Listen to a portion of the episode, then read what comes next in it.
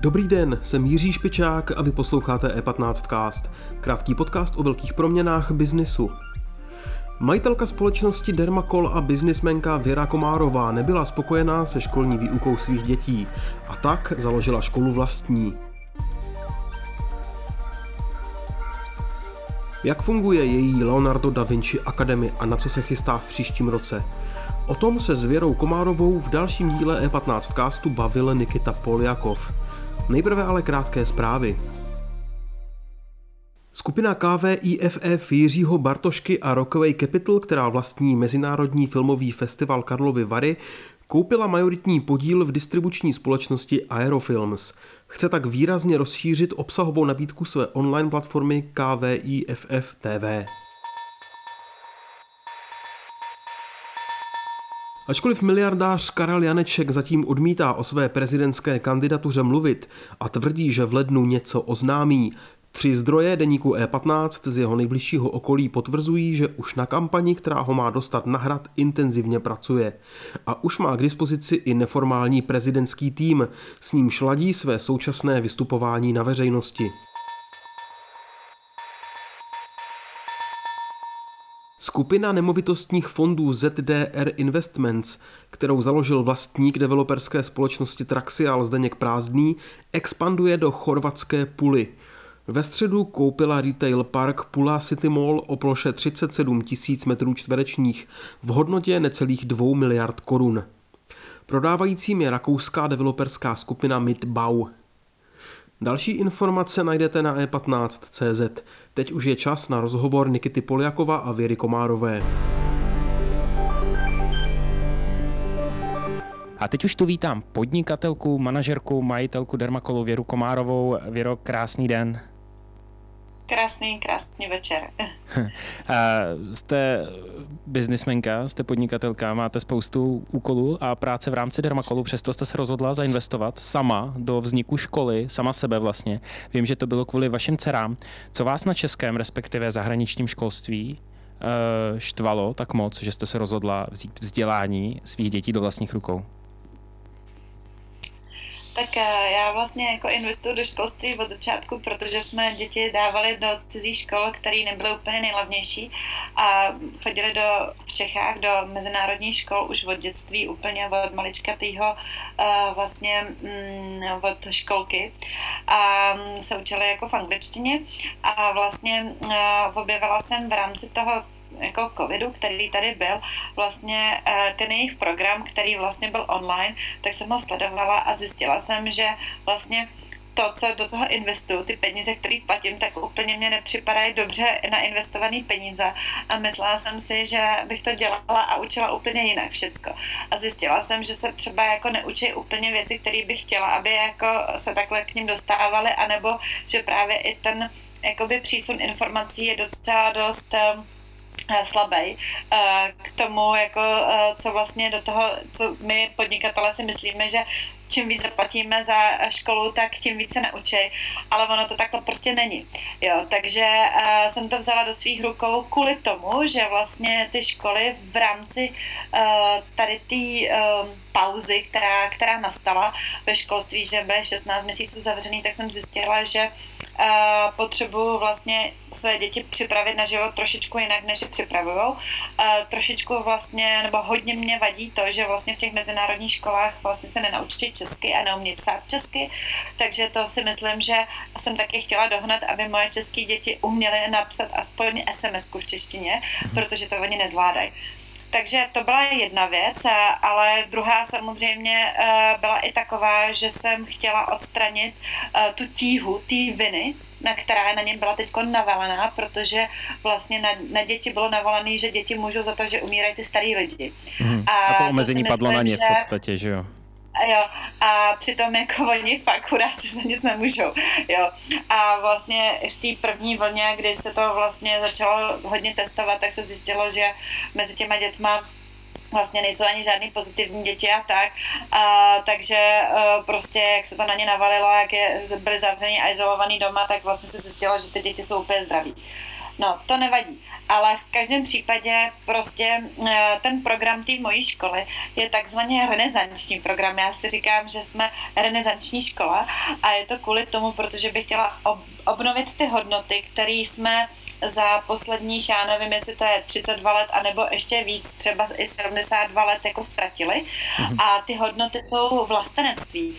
Třeba to je podle mě prostě pro náš malý český národ hrozně důležitá věc.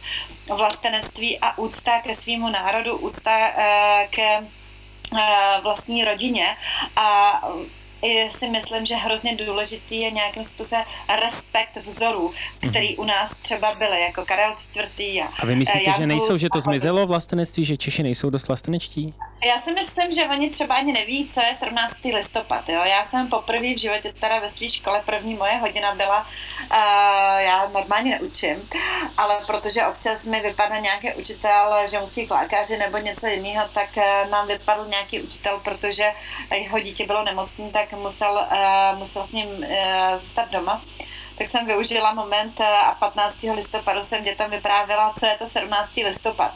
Musím říct, že tam moc dětí nevědělo. Některý někdo říkal, že spadla uh, ta uh, zeď v, Brně, v Berlíně, ale uh, to bylo snad asi nejlepší odpověď, jinak uh, většinou jako nikdo nevěděl, že to je Mezinárodní den studentstva, že tady byli studenti, kteří povstali a podobně. Takže si myslím, že tohle to třeba pro mě bylo hezký, jakože konečně mohli jako tuhle tu novodobou historii i pochopit a z čeho uh, vlastně vycházím já, která jsem jako 14 letá stála právě na tom Václaváku. Další věc uh, byla, že teď teda zaskakuju, protože máme zase nějaký nemocný učitele češtinu a i tam si myslím, že prostě ten vlastně to kritické myšlení, který by se mělo používat vlastně v každé hodině, nejenom jako, že by měly být hodiny kritického myšlení, ale každou hodinu bychom měli takhle vysvětlovat, tak si myslím, že se takhle jako neučí. Takže mm, si myslím, že je hrozně důležitý vlastně ten renesační přístup obnova těch hodnot a pochopení, protože dneska je všechno takový povrchní. Uh-huh. A můžu ještě, to je, je to, předpokládám, základní škola? Chápu to správně, to znamená, vy připravujete... Teďkon, eh, teďkon jsem to otevřela, protože uh, vlastně uh, v Čechách, když jsem zjišťovala, jaká je situace a tak, jak je možné co otevřít a co není možné otevřít a tak, tak v dnešní době ministerstvo už uh, nepodporuje to, že by měly vznikat uh, víceletá gymnázia, uh, takže mi vyšlo z toho, že musím otevřít i základní školu a pak gymnázium, takže jsem v tuhle to je chvíli cíl, vlastně otevřít gymnázium, jakoby. Chápu jo. to správně. A teď vlastně v tuhle chvíli mám otevřený jenom druhý stupeň. Od září 2022 plánujeme otevřít i první stupeň a gymnázium. Mm-hmm. Tohle teď vlastně na tom intenzivně pracujeme, máme požádaný o všechny vlastně akreditace a s tím, že i teď ladíme budovu, který budeme. Pro mě je to docela zásadní, protože bych nechtěla odcházet z té národní třídy, protože teď jsme na národní třídě a chtěla bych tam zůstat. Takže vlastně budovy, které jsou buď na národní třídě přímo, anebo prostě kolem národní třídě, tak já bych chtěla být, aby jsme byli v centru Prahy. Chápu, vy eh, jste z pedagogické rodiny, takže k tomu máte nějakým způsobem vztah, jak jsem četl. Naučila jste se něco od té doby, co ta škola je otevřená? Něco, co jste do té doby nevěděla? Z hlediska toho přístupu uh, k žákům, k výcho- tak, vý, vý, vý, já si myslím, já jsem, já jsem jako hlavně, když jsem už to jako vlastně plánovala, uh, to otevření a tak, tak samozřejmě jako spoustu mm, nových škol uh, nebo vznikajících škol v, v posledních letech se často obrací na alternativní metody, které třeba už existují 40, 50, 60 let. A já od začátku jsem cítila, že vlastně můžeme nějaký prvky z toho čerpat, ale že dneska opravdu potřebujeme vytvořit eh, vlastně nový přístup, něco úplně moderního, takže vlastně takzvaně jakou hybridní výuku. A co Montessori? A, výuka, a pardon, a co Montessori? Nejsou tady no, to ten typ těch hybridních výuk? Není to eh, vlastně... No, právě Uh, ano, jako Montessori je skvělá věc pro uh, za prvý uh, školky, uh, protože musím říct, že já jsem svoje dítě dávala právě třeba do takovýchhle typek škol, protože oni se třeba už od malečka učí vlastně nějakým způsobem formovat písmo a vlastně musím říct, že většina dětí, který vychází z Montessori škol, krásně píše, skoro jakoby pravopisně, ne pravopisně, ale krasopisně, krasopisně píše, takže já fakt musím říct, že je to velký rozdíl. Mám jedno dítě, který vyšlo Montessori školku a ostatní děti, které tam nebyly a opravdu to, podle toho písma je to hodně poznat, že oni se to opravdu učí tak, že potom krásně píšou celý život. Ale uh, Montessori je hrozně dobrá pro vlastně děti, který jsou spíš jako založení umělecky a chtějí uměleckým způsobem, protože hodně dávají na intuici, hodně dávají vlastně na to eh, vyvíjet nějakým způsobem talent, jo. Ale eh, vlastně ty děti se rozhodují, co budou dělat. A to dneska, ta tíha toho rozhodnutí, co budou dělat, to oni se nakonec pořád jenom kreslej, anebo pořád skáčou někde venku, jo. A ta volba, co budou dělat, je vlastně docela dost jako náročná na řízení. Takže Určitě pro ty mladší děti tam jsou skvělé prvky Montessori a tak, ale určitě od základního eh, stupně je potřeba už spíš to projektová výuka, to znamená několik eh, předmětů, které jsou dohromady daný. Takže ten, ten hybridní model, který já chci tady vlastně prezentovat a pro obnovu vlastně takového zdravého přístupu ke vzdělání je, že se učí více předmětů dohromady, neučí se vlastně jednotlivě přírodopis, zeměpis, dějepis a, a podobně, ale dělají se projekty, kde se vlastně všechny ty jednotlivé předměty propojují. A navíc, že vlastně třídu používáme, my říkáme Prague is our classroom, že Praha je naše třída, takže nepoužíváme jenom vlastní třídu a v té se učíme, ale Dneska jsme třeba byli v kostele, kde prostě měli katecheti krásnou, krásnou vlastně takovou, oni tomu říkali taková journey, taková cesta a ukázali nám vlastně cestu Pany Marie a Josefa z, Betle, z Nazareta do Betléma a proč to bylo a vlastně krásně popsali v rámci hodiny jakoby vánoční, vánoční příběh, jo. Mm-hmm. Takže se mi to hrozně líbilo, takže chodíme do muzeí, do galerií, právě... Kolik vás je? Kolik vás tam je? Kolik je tam žáků teďkon? Teďkon, teďkon máme 20 dětí, ale uh, plánujeme určitě otevřít víc. Uh, ty třídy jsou od 6. do 9. třídy, ale vlastně pokud to nejsou projekty, jako dneska, že jsme třeba šli všichni do kostela, tak, uh, tak uh, jsme... Uh, tak na matematiku, angličtinu, češtinu jsou rozdělaný podle tříd a jsou to právě i dobře, že to jsou malé skupinky, protože ty hodně dobré školy si uh, zakládají na tom, že pracujete v malých skupinkách, které jsou maximálně do nějakých m, prostě 10-15 dětí ve skupince. Jazyky mají fakt do pěti dětí. Mm-hmm. Začalo to s covidem, ale o covidu to tak úplně není. Všichni víme, že české školství trpí strukturálními problémy. Covid bylo jenom jako další jako kapka do mlína vlastně toho, řekněme, té krize, ve kterém české školství je. Vy jste říkala, že chcete dosáhnout uh, jako licence, povolení otevřít střední školu. Pro žáky asi u vás, žákyně, je zajímavý vycestovat do budoucna, získat nějaký International Baccalaureate diplom. Směřujete tam k získání licence ano, na tento typ už jsme, už jsme se stali, už jsme IB kandidátem, takže uh, vlastně chceme kromě české maturity uh, vlastně budeme mít už teď vlastně v lednu by nám měli vlastně akreditovat jako A-level školu, to znamená budeme jako mít výstupy tak přesně jako má i British School.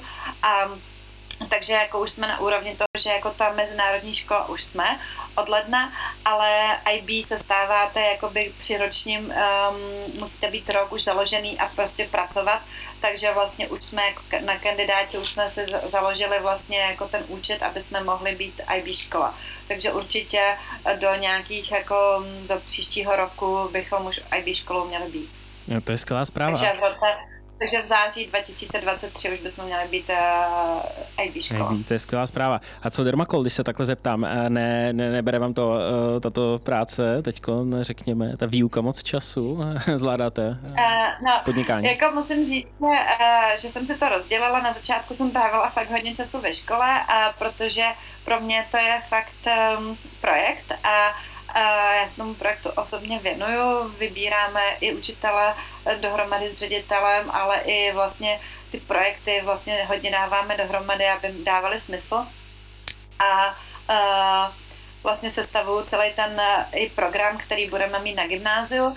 A, takže mám v Dormakol jeden až dva dny týdně a zbytek trávím, zbytek trávím ve škole a i noci trávím ve škole často, takže mm, Dermakol ale nestrádá, já mám, já jsem tady 20 let, mám postavený tým, mám fakt úžasný, uh, úžasný lidi a musím říct, že jako opravdu sem chodím jako by vlastně odsouhlasovat projekty a Odpočívat. řeším, Od no, školního, od školního stresu. Protože, protože tady mě všichni poslouchají Dermakolu. Já jsem teď na Dermakolu a tady mě všichni poslouchají. Jo. To je na rozdíl od, na rozdíl od školy, ale tam teda musím říct, že uh, uh, já mám ty děti hrozně ráda a uh, poslouchají mě i ve škole, nemám problém.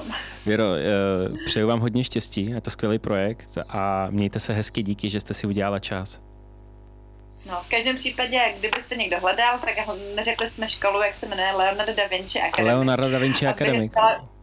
Jo. Na národní. A je to kvůli tomu, že to byl všestranný člověk a všestranný člověk a mm, vlastně já bych chtěla, aby opravdu jsme se vrátili k tomu, že prostě budeme jako vnímat, že umění a kultura je pro nás důležitý, pro nás vývoj a aby jsme nezanedbávali i tady tu stránku, protože vlastně v těch normálních školách vlastně se hodně dává třeba jakoby důraz na ty akademické výsledky a tak a často se vlastně zapomíná na tu psychologii. Takže u nás máme třeba půlce týdne jogu, abychom se opravdu jako zameditovali, jestli i pro naše tělo to učení jakoby vlastně působí aktivně a zdravě. Tak děkuju, díky moc. Tak jo, takže krásný, krásný den a krásný Vánoce. Naschledanou. Díky za pozornost. E15cast najdete každé všední ráno ve všech podcastových aplikacích.